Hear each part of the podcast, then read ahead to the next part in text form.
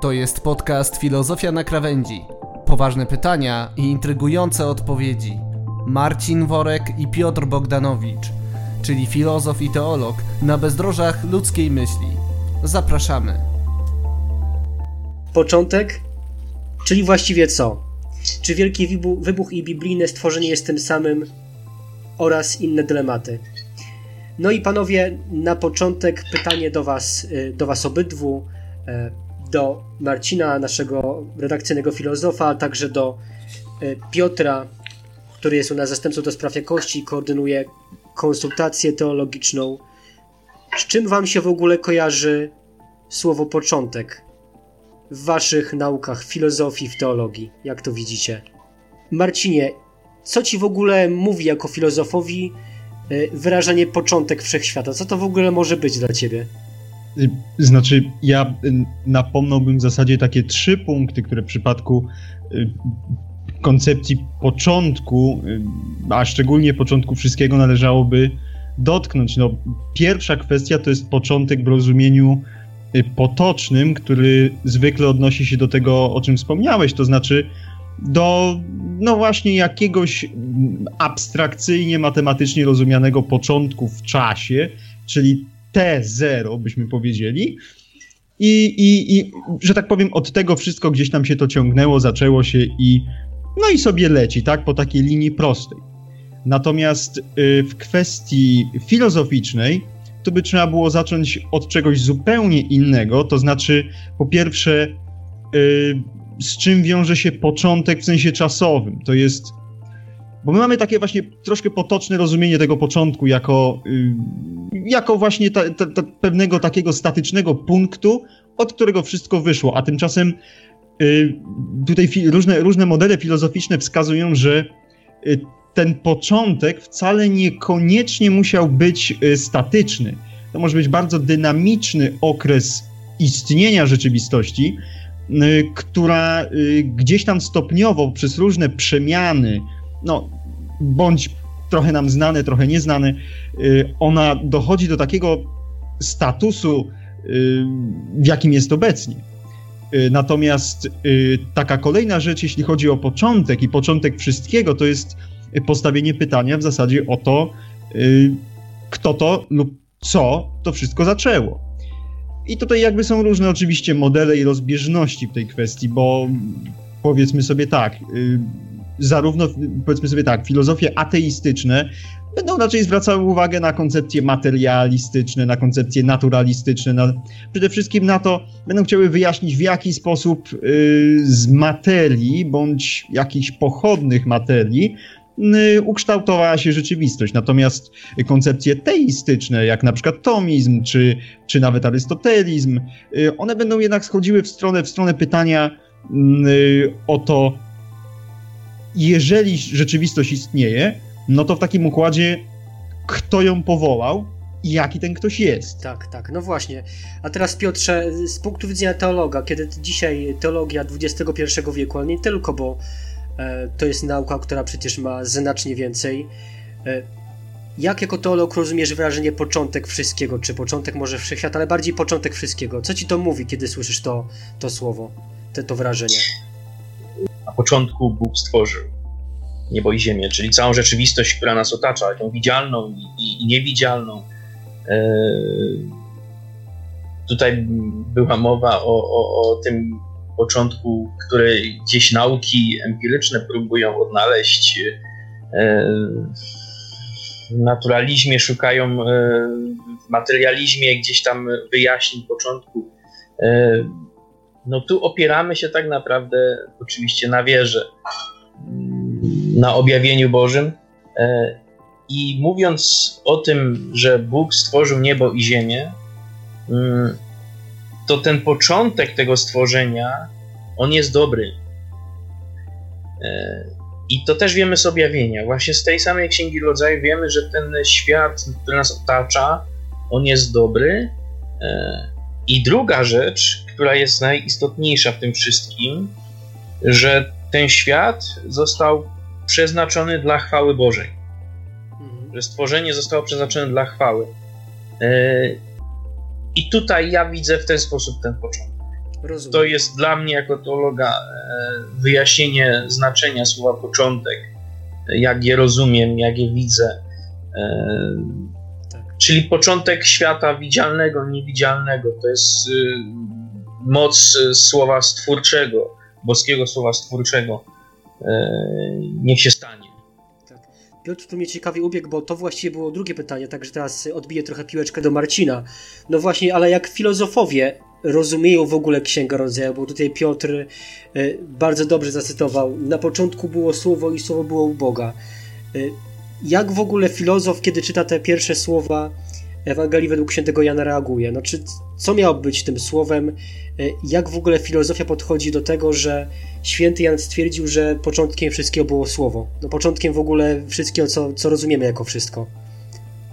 Wydaje mi się, że w pierwszej kolejności do, dobremu filozofowi powinno przyjść na myśl, że e, jest jakiś porządek w naukach i jeżeli bierzemy się za interpretowanie Pisma Świętego pod kątem filozoficznym, to musimy bardzo dobrze pamiętać o tym, że jeżeli, jeżeli wyprowadzimy za daleko wysunięte wnioski, to de facto pogwałcimy metodologię nauk i będziemy mieli po prostu bałagan, co bardzo często obserwuje się na przykład w literaturze proponowanej przez e, profesora Dawkinsa.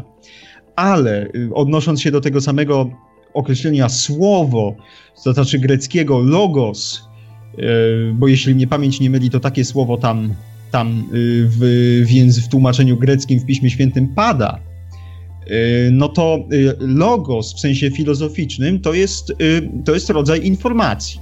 To znaczy, to jest jakaś, byśmy powiedzieli, algorytmicznie nawet ujęta y, informacja, czy jakiś rodzaj porządku, czy prawa. Więc w tym sensie należałoby słowo rozumieć. Natomiast ta kwestia, że słowo jest uboga, tutaj jakby stawia to, stawia to podstawowe, szersze pytanie. Jeżeli mówimy, że słowo jest u Boga, czyli prawo jest u Boga, czyli informacja o rzeczywistości jest u Boga, no to w takim układzie moglibyśmy jakoś sobie tam filozoficznie nawet założyć, że y, ten Pan Bóg w taki czy inny sposób y, jakoś jest projektantem tej rzeczywistości. I w sposób w jakimś dla nas ograniczonym oczywiście sensie zrozum- będzie to zrozumiałe. To znaczy, y, jesteśmy istotami, które posługują się słowami, no nie w takim sensie jak Pan Bóg i tutaj są całe jakby też systemy filozoficzne, które, które podejmują rozważania, to jak Pan Bóg się posługuje słowem, a jak my się słowem posługujemy. Natomiast y, sam fakt tego, że po, posługujemy się pewnym rozumem, y, posługujemy się poznaniem, i wyrażamy poznanie za pomocą pojęć, za pomocą słów, które zawierają treść o rzeczywistości, no to my możemy, my możemy sobie nawet założyć, choć śmiałbym twierdzić, że, że, że możemy poznać. Możemy z całą pe taką pewną pewnością stwierdzić, że, że my poznajemy y, to, co, y, to, co po prostu Pan Bóg stworzył. Rozumiem. Więc to tak. No właśnie. Mm, obaj panowie mówiliście y, o takim naprawdę ciekawym podejściu do początku. Tutaj Piotr zwrócił uwagę na mm, taką kwestię czysto teologiczną, że to Bóg jest y, początkiem wszystkiego, że On opiekuje się światem, który jest dobry z założenia. Y, Marcin zwrócił uwagę na y, ciekawe rozwinięcie chyba słowa logos, tak? Ja troszkę podrążę, panowie, no bo mm, jeżeli my żyjemy w świecie materialnym, no w, nie wiem, mamy zmysły, możemy jakoś ten świat rejestrować jakimiś zmysłami, E, przyznajemy, że one się nie mylą, czyli to nie jest, wszystko nie jest jedną wielką iluzją, mm, to jednocześnie nawet ktoś, kto nie jest biegły, czy z astronomii, czy z jakichkolwiek nauk, pewnie gdzieś tam się obiło mu się o uszy e, kwestie dotyczące badań naukowych, że my właściwie e, nie jesteśmy pewni, czy ten punkt zero był, tak? To jest jakby bardziej założenie matematyczne.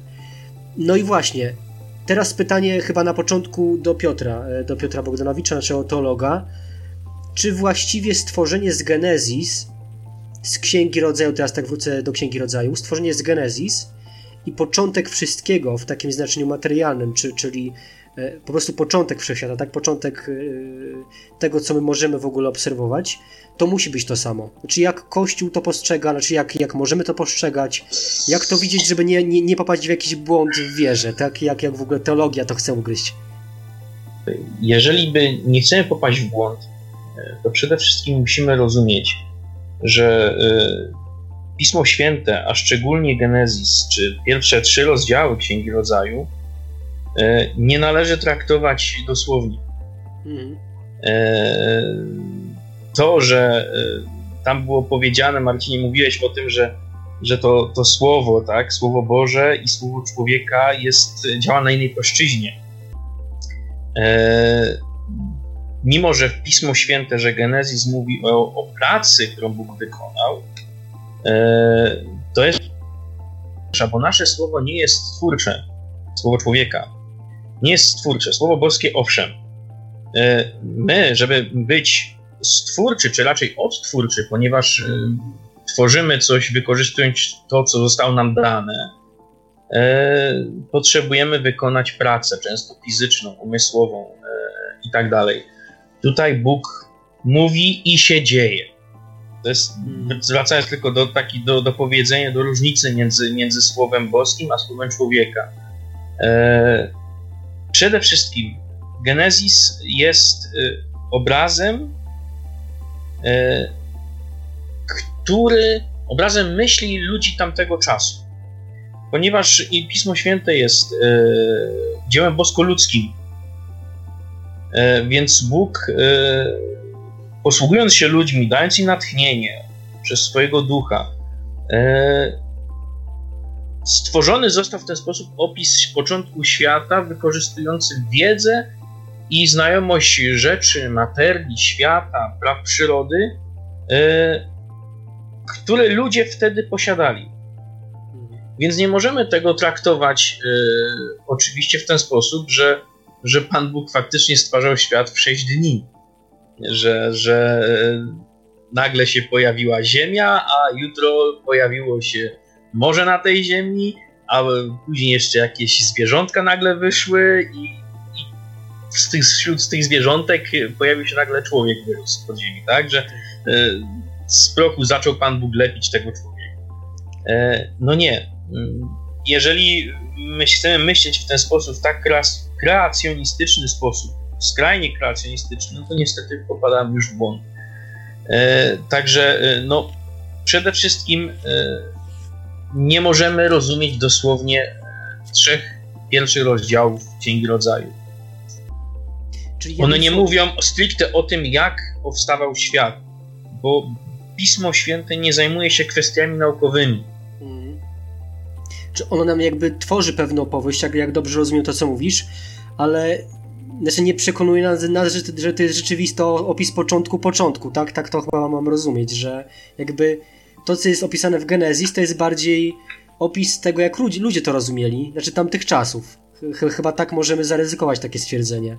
Jak ludzie w tamtych czasach rozumieli. To, co jest zapisane w Genezis, to, co jest zapisane w Genezis, e, to są fakty, ale one są ukryte pod znakami. E, I teraz interpretacja czy odkrycie tych faktów, ponieważ no nie możemy powiedzieć, że, że e, patrząc na naukę Kościoła, na objawienie, w opisie, w opisie stworzenia świata jest zawarta e, chęć i troska Boga o to, aby przeznaczyć stworzenie do swojej chwały. I dlatego nie możemy mówić tutaj, że to jest naukowy opis stworzenia świata. Nie. Tu mamy y, treść pełną symboli, pod którą kryją się, kryje się rzeczywistość duchowa. Mhm. Teraz może przejdę do Marcina. Tutaj mm, na pewno y, znana jest nam postać księdza Michała Hallera, ale także profesora Meissnera i oni są takimi dwa, dwoma badaczami, którzy przekonują, że to trochę to, co mówił teraz Piotr, że opis Genezis i początek wszechświata w takim sensie naukowym, to właściwie to nie jest to samo. To znaczy, jakby to są rozłączne rzeczywistości. Teraz, Marcin, jakby się do, do tego odniósł, jak, czy, czy filozofia ma coś tutaj do, do powiedzenia w tej kwestii? mm, w kwestii właśnie genezis, czy w kwestii rozłączności tych dwóch rzeczy? To znaczy, to już się pojawiło w średniowieczu za, za twórczości świętego Tomasza z Akwinu. To była taka teza postawiona przez Akwinatę, że stworzenie świata, w sensie stworzenie ex nihilo, czyli stworzenie z niczego, byśmy powiedzieli, a istnienie wszechświata w takim, w takim stanie, jakiego obecnie obserwujemy, to są dwie różne rzeczy. To, to znaczy. Jestem zaskoczony, bo chyba Tomasz Zakwinu jest postrzegany jako taki bardzo tradycyjny no, twórca. Yy, znaczy, to jest, to, to się głównie wiąże też po części z pewnymi mitami, które narosły mm. naokoło średniowiecza. To znaczy, yy, jakby trzeba sobie uzmysłowić pewną rzecz, że yy, jakby oświecenie, y, czyli cały w zasadzie tam, to jest XVIII wiek, i jeszcze, jeszcze, jeszcze sam początek XIX wieku w niektórych y, rejonach Europy, y, to był czas bardzo gwałtownego wzrostu y, mm, wiedzy, nauk przyrodni- wiedzy z dziedziny nauk przyrodniczych, ale też z dziedziny metodologii prowadzenia badań. I powoli narastała po prostu taka mentalność, że jeszcze troszkę i my odklejemy zaraz po prostu tajemnice świata. I z tego tytułu narodziło się też mnóstwo nieporozumień w związku z, z tymi starymi filozofiami sprzed kilkuset lat y, względem oświecenia. Y, I po prostu też było mnóstwo przekłamań, y, no może nie mnóstwo, ale przynajmniej część było po prostu przekłamań w, w ówczesnych podręcznikach, z których studiowali na przykład David Hume czy, czy, czy, czy Immanuel Kant. To, to po prostu tak to wyglądało, więc jakby święty Tomasz na ówczesne czasy był rewolucyjny, w tym sensie, że on wykorzystując ówczesną wiedzę y, przyrodniczą, zbudował koncepcję y, filozoficzną, metafizyczną, która y, starała się odpowiedzieć na pytanie, jakby na pytania, który, na które fizyka i przyrodoznawstwo odpowiedzieć nie mogą. To w ten sposób. Czyli to był świeży, taki dość chyba rewolucyjny teolog i filozof jak na tamte czasy. Znaczy to mnie zaskakuje, bo wiedziałem o świętym Tomaszu kilka takich ciekawych faktów, ale to mnie zaskoczyło, że już właściwie tyle set lat temu ta myśl była y, dopuszczalna. Znaczy, tak Ona była, ja nawet zaskoczę naszych, naszych słuchaczy, y, koncep bardzo wczesna koncepcja teorii ewolucji była znana już w wiekach ciemnych, jeszcze w zasadzie w starożytności, y, pod y, postacią rationes seminales, to znaczy koncepcja była taka, że w świecie ukryte są takie, powiedzielibyśmy, jakby może nie punkty, ale bardziej, bardziej rodzaje pewnych rodników, które w pewnych momentach czasu, kiedy dogodne są warunki, one się aktywują. Co, I to co, nie przeczyło w żaden co, sposób. Co przez to rozumiesz, przez te rodniki? Znaczy, co, co to miałoby y, być? To znaczy, to byłyby jakieś ukryte po prostu prawa mm. bądź okoliczności, które no Y, aktywują się w, taka, w, ta, w, takich, a nie innych y, zespołach przypadłości. Czyli na przykład, y, kiedy są dogodne warunki do tego, żeby powstało na Ziemi życie i narodziła się, tak jak to współcześni biologowie mówią, ta taka pierwotna prazupa we wczesnych oceanach ziemskich, no to żeby to się pojawiło, to są potrzebne odpowiednie warunki, tak? tak, tak. Później, żeby ta zupa wyewoluowała, żeby powstawały coraz bardziej złożone organizmy, Y, aż do poziomu, gdzie y, my już mówimy o zwierzętach morskich, gdzie my mówimy o, o tych milionach, miliardach lat, kiedy te zwierzęta morskie ewoluują i wychodzą powoli na lądy, które notabene się dopiero kształtują, to Y, jakby, jakby to byłaby ta koncepcja seminalis, że one jakby to są te takie, to jest takie metafizyczne, bardzo abstrakcyjne ujęcie tego, jak mniej więcej miałaby działać teoria ewolucji, w jaki sposób y, organizmy z jednych mogą przechodzić w inne. Oczywiście ta ta teoria została zaniechana w tym sensie, że ona nie była dalej pociągnięta, dlatego że tam bardzo mocno w średniowieczu później ugruntowała się przez jakiś czas za czasów świętego Tomasza z Akwinu koncepcja arystotelejska, która y, z kolei twierdziła, że y, zasadniczo y, gatunki, gatunki jakby nie mogą przechodzić jedne z, z jednych w inne, z tego tytułu, że to, jakby to, to by oznaczało, że gatunki w rozumieniu arystotelejskim gorsze y, tworzyłyby coś lepszego, ale to jest bardzo umowne, bo, y, bo jeśli byśmy próbowali w tej chwili dopasować y, jakby koncepcję świętego Tomasza i y, do, do współczesnego obrazu y, świata oferowanego przez nauki przyrodnicze, to prawdopodobnie święty Tomasz by się za bardzo z tym nie pokłócił. Chociaż niektórzy by się pewnie z tym nie zgodzili, no ale y, jakby y, moja opinia w tej kwestii wygląda tak, że święty Tomasz nie pokłóciłby się obecnie z naukami przyrodniczymi. Rozumiem. Zresztą to, to, co jest ciekawe, panowie, to co obaj mówicie, jakoś wybrzmiewa u was, to jest chyba to, że Bóg mówi przez symbole, ale też jakby pokazuje człowiekowi pewne prawa na świecie, i to, to też z wypowiedzi Piotra, ale też z Marcina e, słów wybrzmiewało, że pokazuje mu pewne prawa, które rządzą wszechświatem, nie tak dosłownie, tak jakby e, ja to rozumiałem. No i właśnie przechodzimy do kolejnego punktu tej dyskusji, że wierzy w Stworzyciela nieba i ziemi. Tak mówimy w credo, jest to prawda wiary dla, dla katolików, ale nie tylko, właściwie dla chrześcijan, że Bóg jest Stworzycielem nieba i ziemi. No ale właśnie, jak? No i tutaj chcę, żebyście panowie y, wyjaśnili dla czytelnika, który może nie jest zaznajomiony z, z waszymi naukami, y, jak według teologii, tutaj najpierw zapytam Piotra, później Marcina, no właśnie, jak według teologii Bóg stworzył świat? To znaczy, czy my tylko mówimy, no Bóg stworzył słowem i tyle? Czy, nie wiem, możemy powiedzieć, że rzeczywiście Bóg jakoś ingerował w świat? Czy na przykład prawdziwa może jest ta teoria e, o Bogu jako zegarmistrzu, tak, że on sobie włączył zegarek i teraz ten świat chodzi? Znaczy, e, jak Piotrze, jak Piotrze to postrzegasz? Gdyby ktoś cię zapytał na ulicy, jak Bóg stworzył świat. Co, co odpowie dzisiaj teolog katolicki? No powiedzieć, że słowem to chyba będzie mało, prawda? No właśnie. to, jest, to jest prawda, ale podejrzewam, że ktoś by, ktoś by oczekiwał czegoś więcej. Nie, no oczywiście żartuję, tak? Mm, jak Bóg stworzył świat? Y, ja bym raczej zapytał, dlaczego. Mhm. Y, to jest chyba istotniejsze pytanie. Czyli dlaczego? tajemnicę bo... Bogu, tak? Metody zas... bo, bo jak? E, metoda jest drugorzędna. Pytanie o motywy mhm. jest istotniejsze. Natomiast e, skoro już ja zacząłem, znaczy ty zacząłeś pytać jak, ja mówię o motywach, to, to spróbujmy dotknąć obu kwestii. Bóg stworzył świat z miłości przede wszystkim, mhm. z mądrości swojej i dla chwały stworzenia. Czy teologia nie chce zrywać tej kotary, tak, między Bogiem, tak, jego tajemnic, e, tak mam Bo rozumieć? Teologia, teologia nie jest od y, rozstrzygania y, tego, jak coś zostało stworzone, jak Bóg to robił, y, tworząc, nie wiem, elaboraty naukowe na ten temat, tak? Twierdząc, że, że faktycznie tak było i nie dyskutujemy z tym, nie? To była kwestia też problematyczna teorii ewolucji, czy Kościół ją popiera, no czy nie popiera, czy tak. e, Kościół nie jest przeciwny teorii ewolucji. E, dla kogoś dociekliwego, jakby tak e, poczytał sobie o ewolucji, jak to wszystko powstawało i wziął Genezis do ręki, Księgę Rodzaju, pierwsze trzy rozdziały, to by tak powiedział, że z grubsza to się składa w jedną całość. Mhm.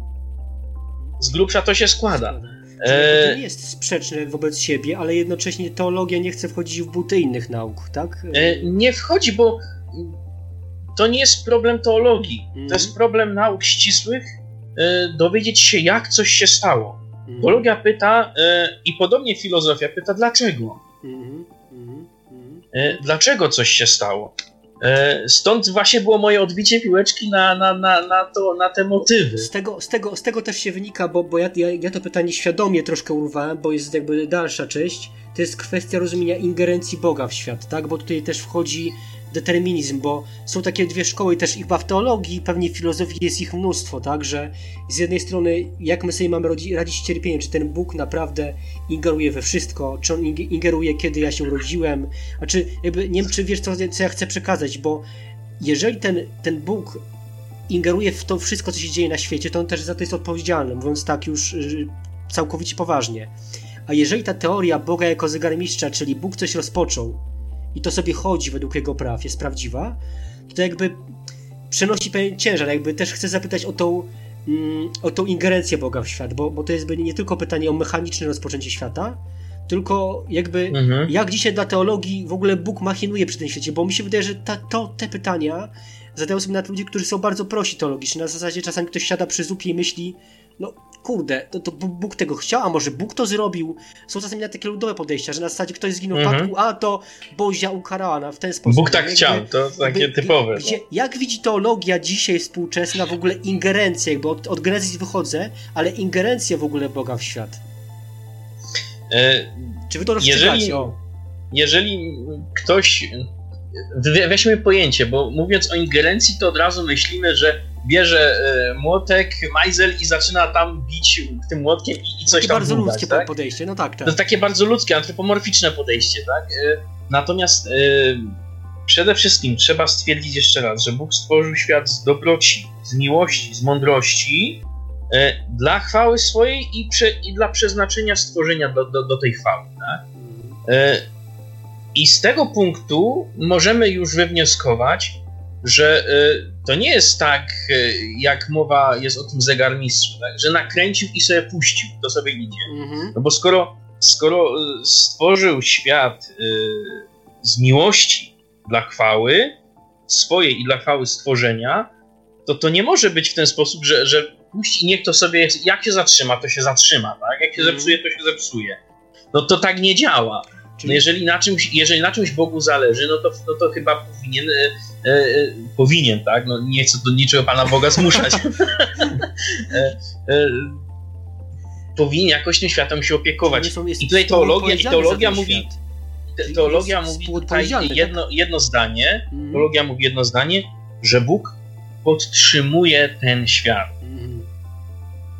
E, I doszukiwanie się takiej ingerencji Mhm. E, troszeczkę mija się z celem, bo e, no nie znajdziemy ich, tak? To znaczy, tu możemy szukać poszlaki, niektórzy mówią o cudach. Tak. E, e, Okej, cuda owszem, ale to jest, to jest naprawdę tak, jakaś taka nadzwyczajna droga, w której Bóg pokazuje, e, że on, on jest tą stwórcą, tak? Że, że, że on jest Panem, ale to, to, jest, to jest nadzwyczajna droga, którą Bóg się posługuje. Czyli jednym słowem, e, zamiast świecie. ingerencji, zamiast ingerencji, to coś takiego bardziej dyskretnego, tak? Podtrzymywanie, bo ja tutaj wjechałem tak z takiej prosty, prostolinijnej, grubej rury, mówiąc kolokwialnie, że to jest ingerencja, E, czyli bardziej... bardziej... Znaczy to trzeba, trzeba zrozumieć, bo, bo niektórzy pytają często, czy Bóg e, mógł stworzyć lepszy świat. Mhm. No a ja zapytam, a, a czy mógł stworzyć gorszy? no taki chciał, podejrzewam, no taka jest odpowiedź, E, tak mam E, wrażenie. Pi, odpowiedzią jest, Bóg stworzył świat dobry.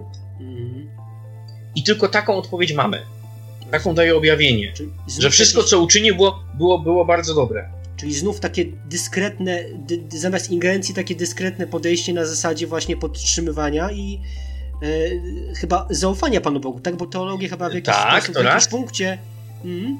Ale to jest zaufania Panu Bogu teraz, ale też zaufania, e, które Bóg pokłada w nas. Bo, bo stworzenie, bo, bo Bóg mógł stworzyć świat najlepszy z możliwych, który by wykluczał wolność. No tak. Znaczy, wszystko było Ale Bóg tak. stworzył świat dobry, czy bardzo dobry, i w tym świecie istotna jest wolność człowieka, bo tylko dzięki niestety. wolności e, możemy podjąć z Bogiem współpracę Tak. twórczą. Tak. Będziemy, Marcinie, na- wy, yy, pewnie przysłuchiwałeś się temu wszystkiemu, ale ja znów będę drążył, jak w ogóle filozofia sobie radzi z taką kwestią e, czy ingerencji, czy stwórczości, sprawczości Boga w świecie. Też z punktu widzenia ciebie jako chrześcijanina, jako ka- katolika, mm, jak y, właśnie współczesna filozofia y, dotyka tych kwestii właśnie ingerowania Boga w świat, jego, nie wiem, aktywności, współpracy z człowiekiem, czy, czy te tematy w ogóle są dzisiaj żywe? Y, Znaczy tak, to pytanie jak, ono zawsze nastręcza pewnych problemów i to zarówno dla teologii, jak i dla filozofii, bo Mhm. nauki przyrodnicze jakby one z natury mają y, to do siebie, że, y, że zadają to pytanie jak i mają tak dostosowaną metodę, że tylko na pytanie jak odpowiadają. A co reszta, to już jest albo filozofia, albo teologia. Mhm. Natomiast y, y, jeśli chodzi o te pytania, które postawiłeś, to znaczy o ingerencję Boga w świat i w akt stworzenia, to jakby w filozofii wygląda to w ten sposób.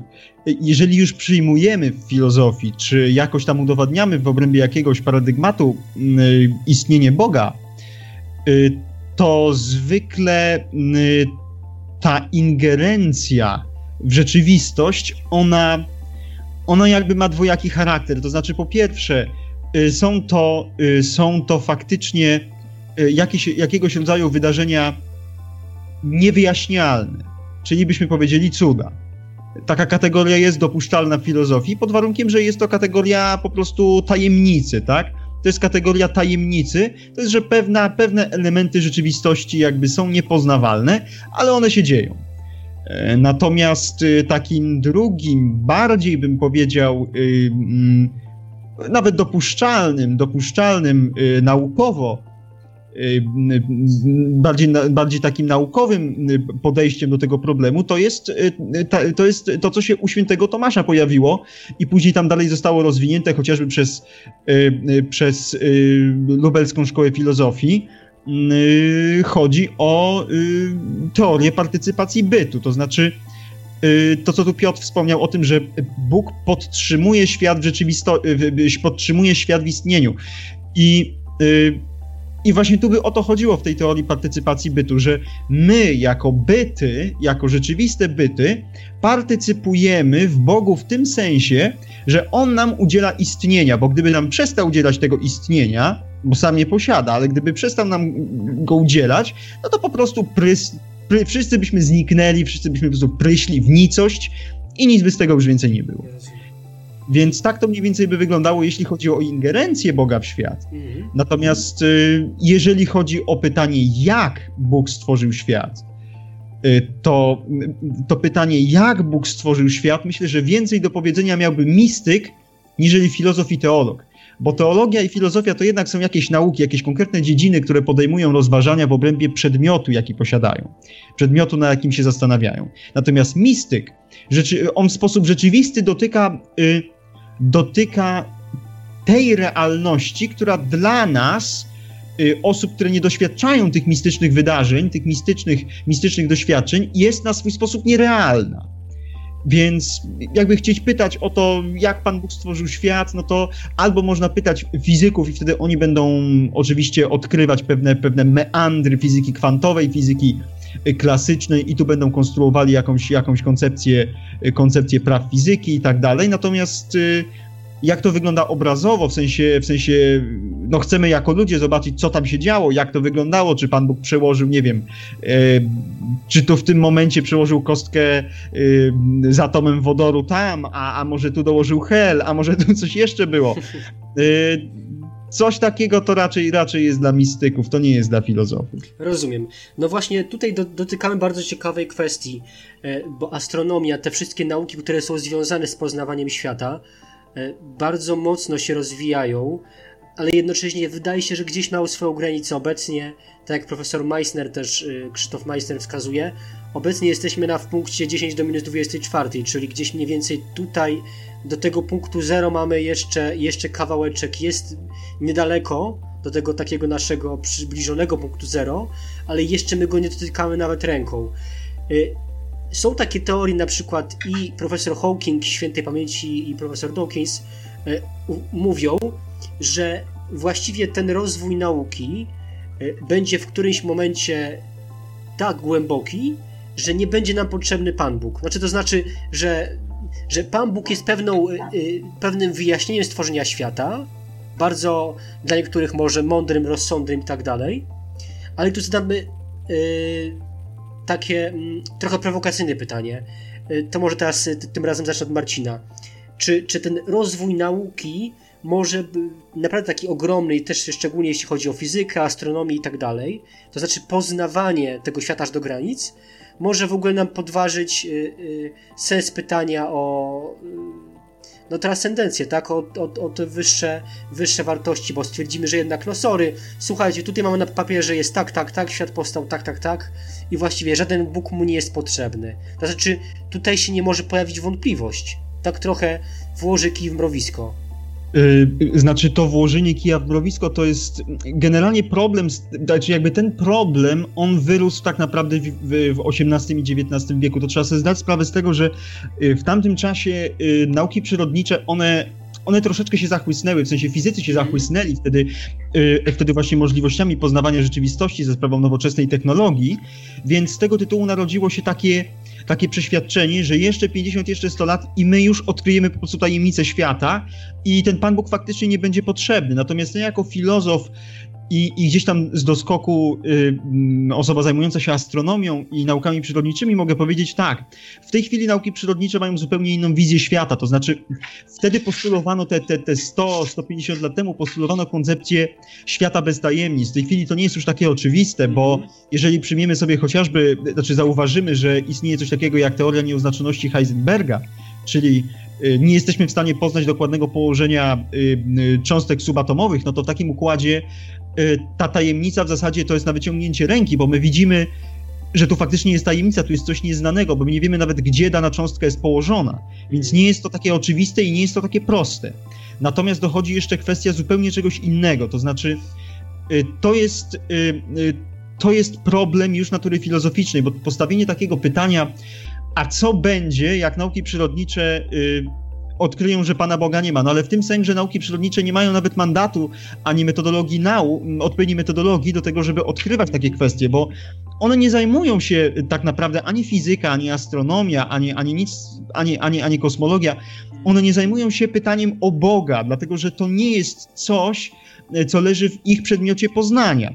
Nauki przyrodnicze przede wszystkim zajmują się y, odpowiadaniem na pytanie, jak działa mechanika tego świata, to znaczy y, mamy konkretne punkty A, B, C, D i tak dalej, i te punkty i powiązania między nimi odkrywamy. Oczywiście odbywa się to za pomocą bardzo złożonej metodologii nauk, bardzo złożonego modelowania matematycznego, ale nie jest to tak, że za 100 czy 200 lat wyjdzie na mównicę Y, taki Hawking Beast i powie Pana Boga nie ma i wszyscy, że tak powiem, klękajcie narody, bo wszyscy, wszyscy mają w to uwierzyć. Oczywiście no, tak, no, y, to, to koncepcję filozoficzną.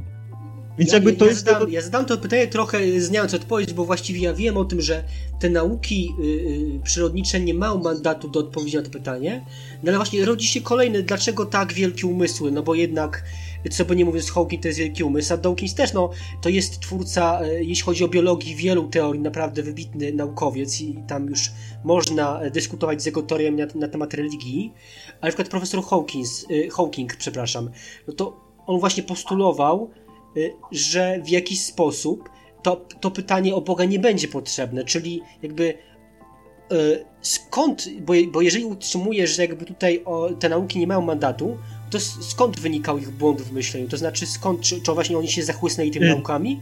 Czy to jest to znaczy... nierozumienie idei może ingerencji Boga na przykład? Wydaje mi się, że tutaj problem jest dwojakiego rodzaju. Znaczy, y, ja ciągle mówię tak, że to jest, coś jest dwojakiego rodzaju, ale, ale, ale to bardzo często właśnie tak jest, że problemy zwykle legają, one są położone na dwóch punktach, na których później taka piramidka z tymi problemami rośnie.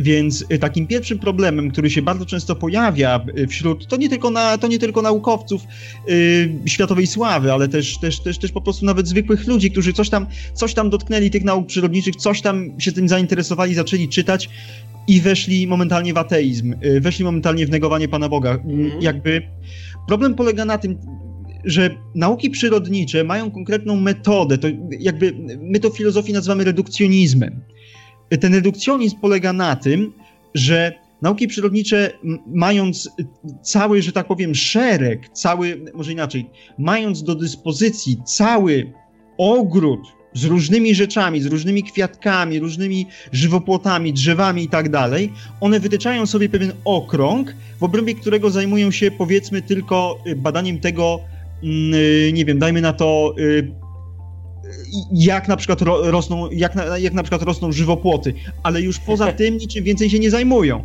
I no na tak. tym to polega, ale to jest celowa robota y, po to, żeby nie było bałaganów wiedzy, a po drugie, że myśmy po prostu na przełomie XIX i XX wieku odkryli, że pewne pewne, ele, pewne sposoby poznawania rzeczywistości, to znaczy empiryzm, eksperymentalizm, pragmatyzm są y, w naukach bardzo skuteczne i bardzo wymierne. To znaczy, my jesteśmy w stanie za pomocą tych tej wiedzy zdobytej z nauk przyrodniczych tworzyć naprawdę niesamowite rzeczy. I, i jeszcze 100 lat temu, gdyby ktoś powiedział, że będziemy teraz rozmawiać przez, na, na, na, na tak dalekie odległości i później jeszcze to publikować w czymś takim, co się nazywa internet, to, by się, to może by się popukał w czoło.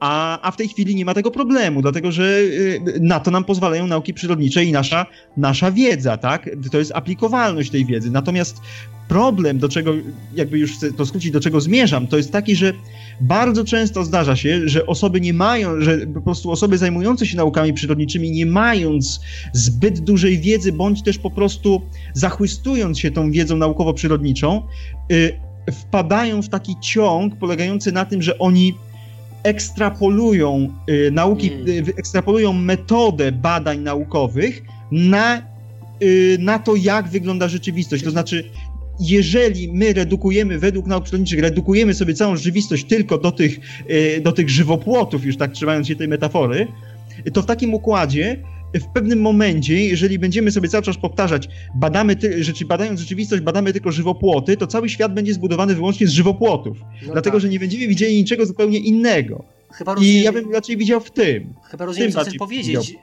Właściwie, czyli to, że oni nadają tej wiedzy większą wartość niż ona chyba właściwie ma, tak? Znaczy tak bym to postrzegał tą puentę. Nie, nie, na, nawet, nawet, nawet nie postrzegałbym tego, bo to, bo to już suponuje jakąś taką kategorię, e, powiedziałbym nawet pretensjonalności, czy próby jakiejś takiej takiej bezczelnej ingerencji po prostu w nauki.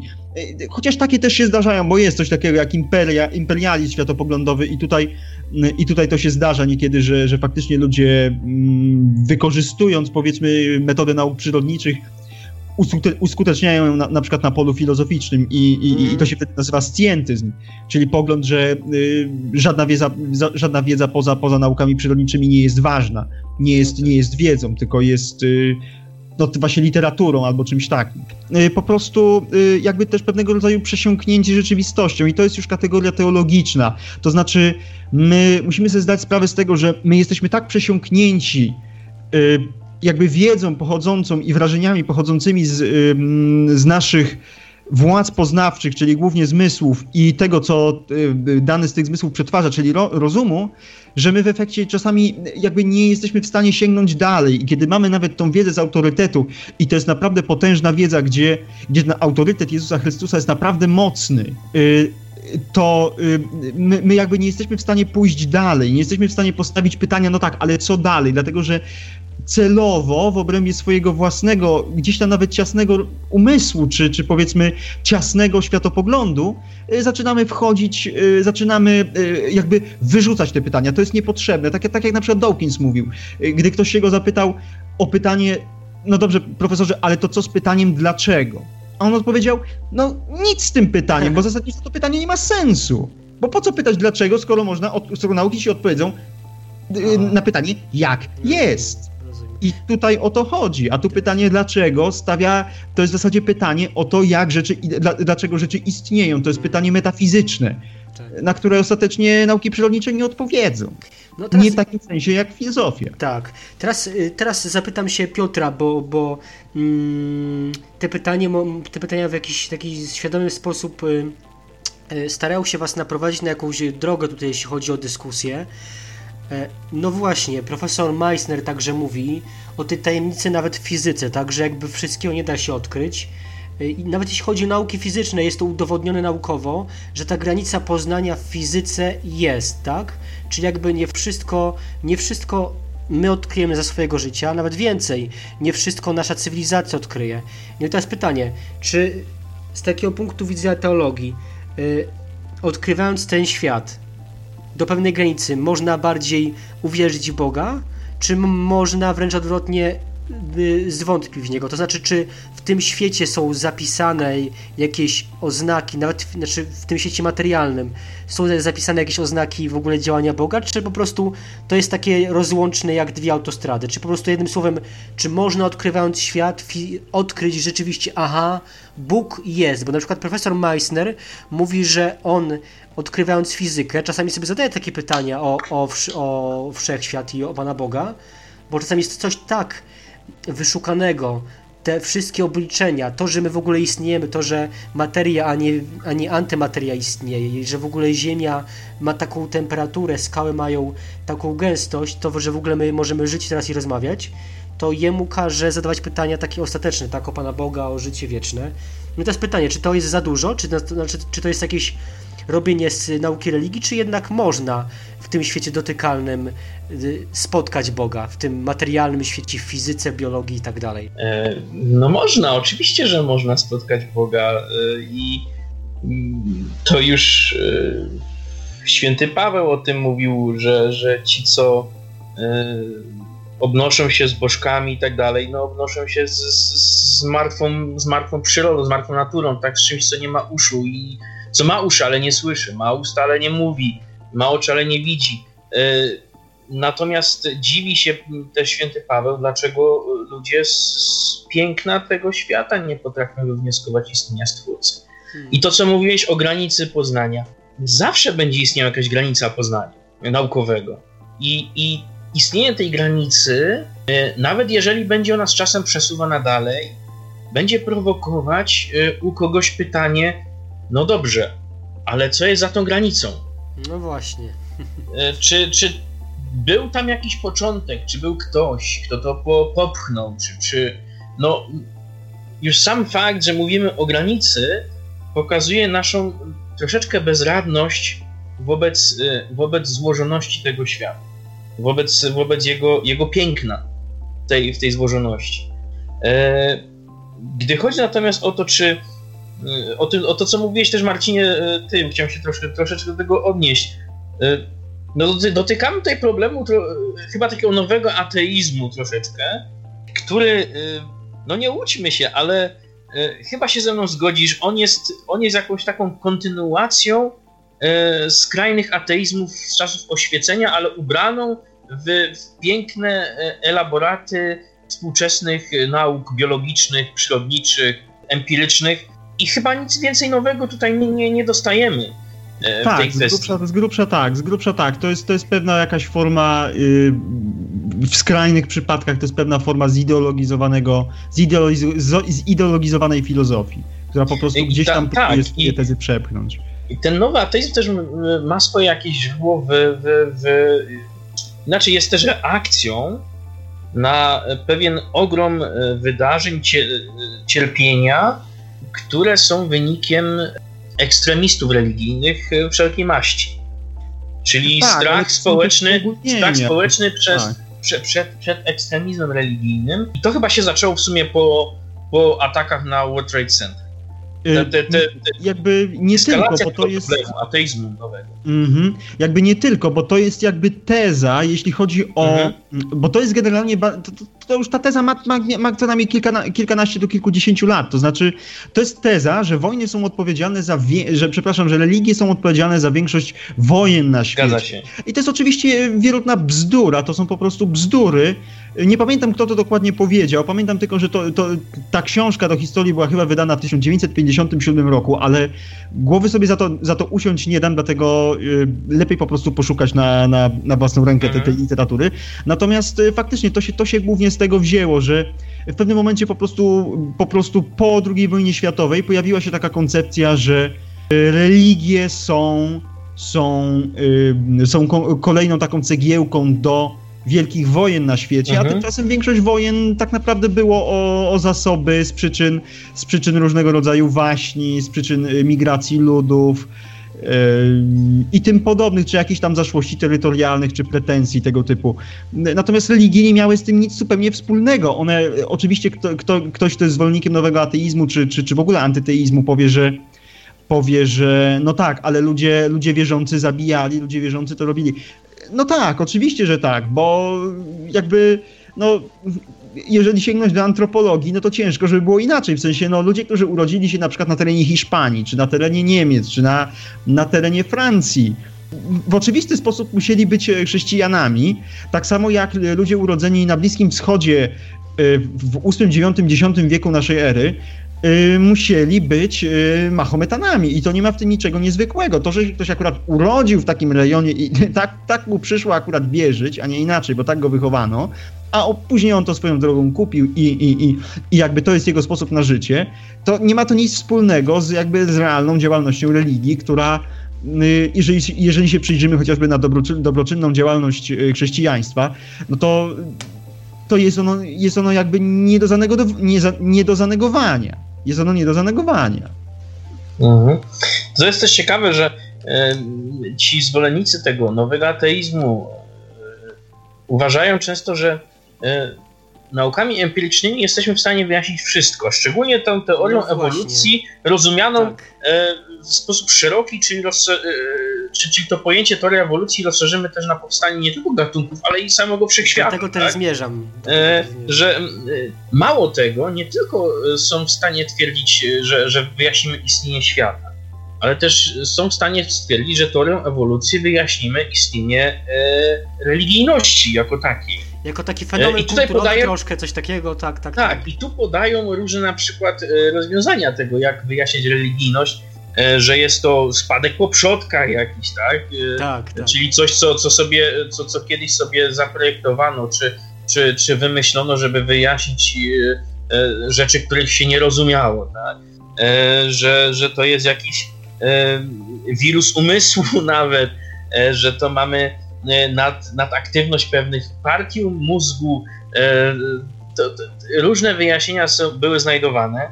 W każdym razie zasadniczo twierdzą, że ewolucja, teoria ewolucji jest w stanie wyjaśnić wszystko, mhm. a skoro jest w stanie wyjaśnić wszystko, to znaczy, że Bóg jest nam już niepotrzebny, a jeżeli jest jeszcze potrzebny, to jako strażnik moralności tylko ale to też nie do końca, bo w sumie człowiek nie musi wierzyć, to jest to słynne dzisiaj, człowiek nie musi wierzyć w Boga, żeby być dobrym, tak? Dokładnie. No to, no to, no to po co mi Bóg, który jest strażnikiem moralności, skoro ja nie muszę w niego wierzyć i jestem dobry? I, tak, tak, e, tak. I w tym momencie e, e, w taki prosty sposób pozbywamy się Pana Boga z rzeczywistości, ale to trochę chyba nie w ten sposób działa, tak? Jego tak łatwo się nie da wykopać według ciebie.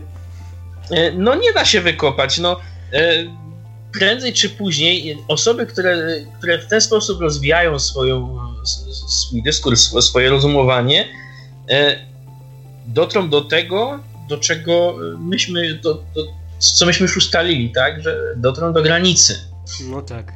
E, po, albo do granicy poznania, e, poznania naukowego, albo do granicy swojego życia, czyli ale nie w tym sensie, nie w sensie śmierci, do zetknięcia się z cierpieniem, z, z, z wydarzeniami w swoim życiu, które postawią ich na nowo przed, przed pytaniem o istnienie Boga i to postawią w taki sposób, że nie będzie odwrotu, aby się nad tym zastanowić. To jest, to jest tak, jak się mówi, ja bardzo lubię to, to, to często powtarzać, że, że krzyż e, Chrystusa to jest znak, no jest znakiem sprzeciwu, tak?